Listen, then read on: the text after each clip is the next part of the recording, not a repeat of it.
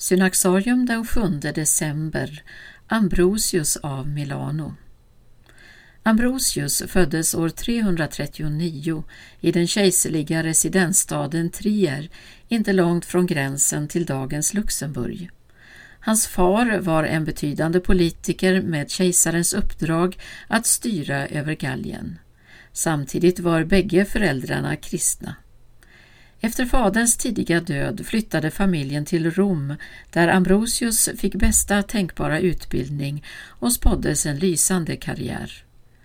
Drygt 30 år gammal utnämns han till ståthållare över flera distrikt i Norditalien. Milano blir hans residensstad. Det var här de dramatiska händelser skulle inträffa som år 374 radikalt förändrade Ambrosius livsväg. Den arianska striden som utgått från Alexandria hade nu härjat i över 50 år och lett till djupa klyftor även inom kyrkan i Italien.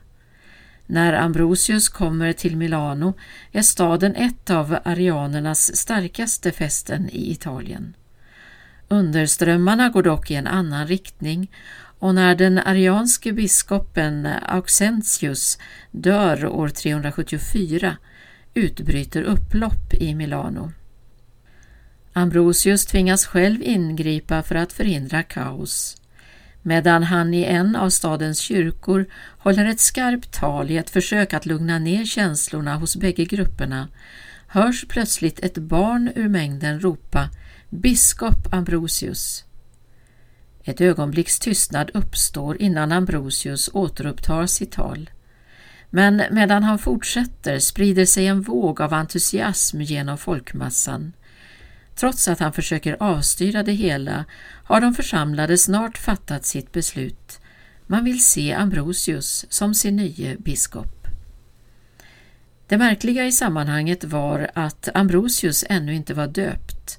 När han motvilligt accepterar folkets val låter han omgående döpa sig för att en vecka senare vigas till Milanos biskop.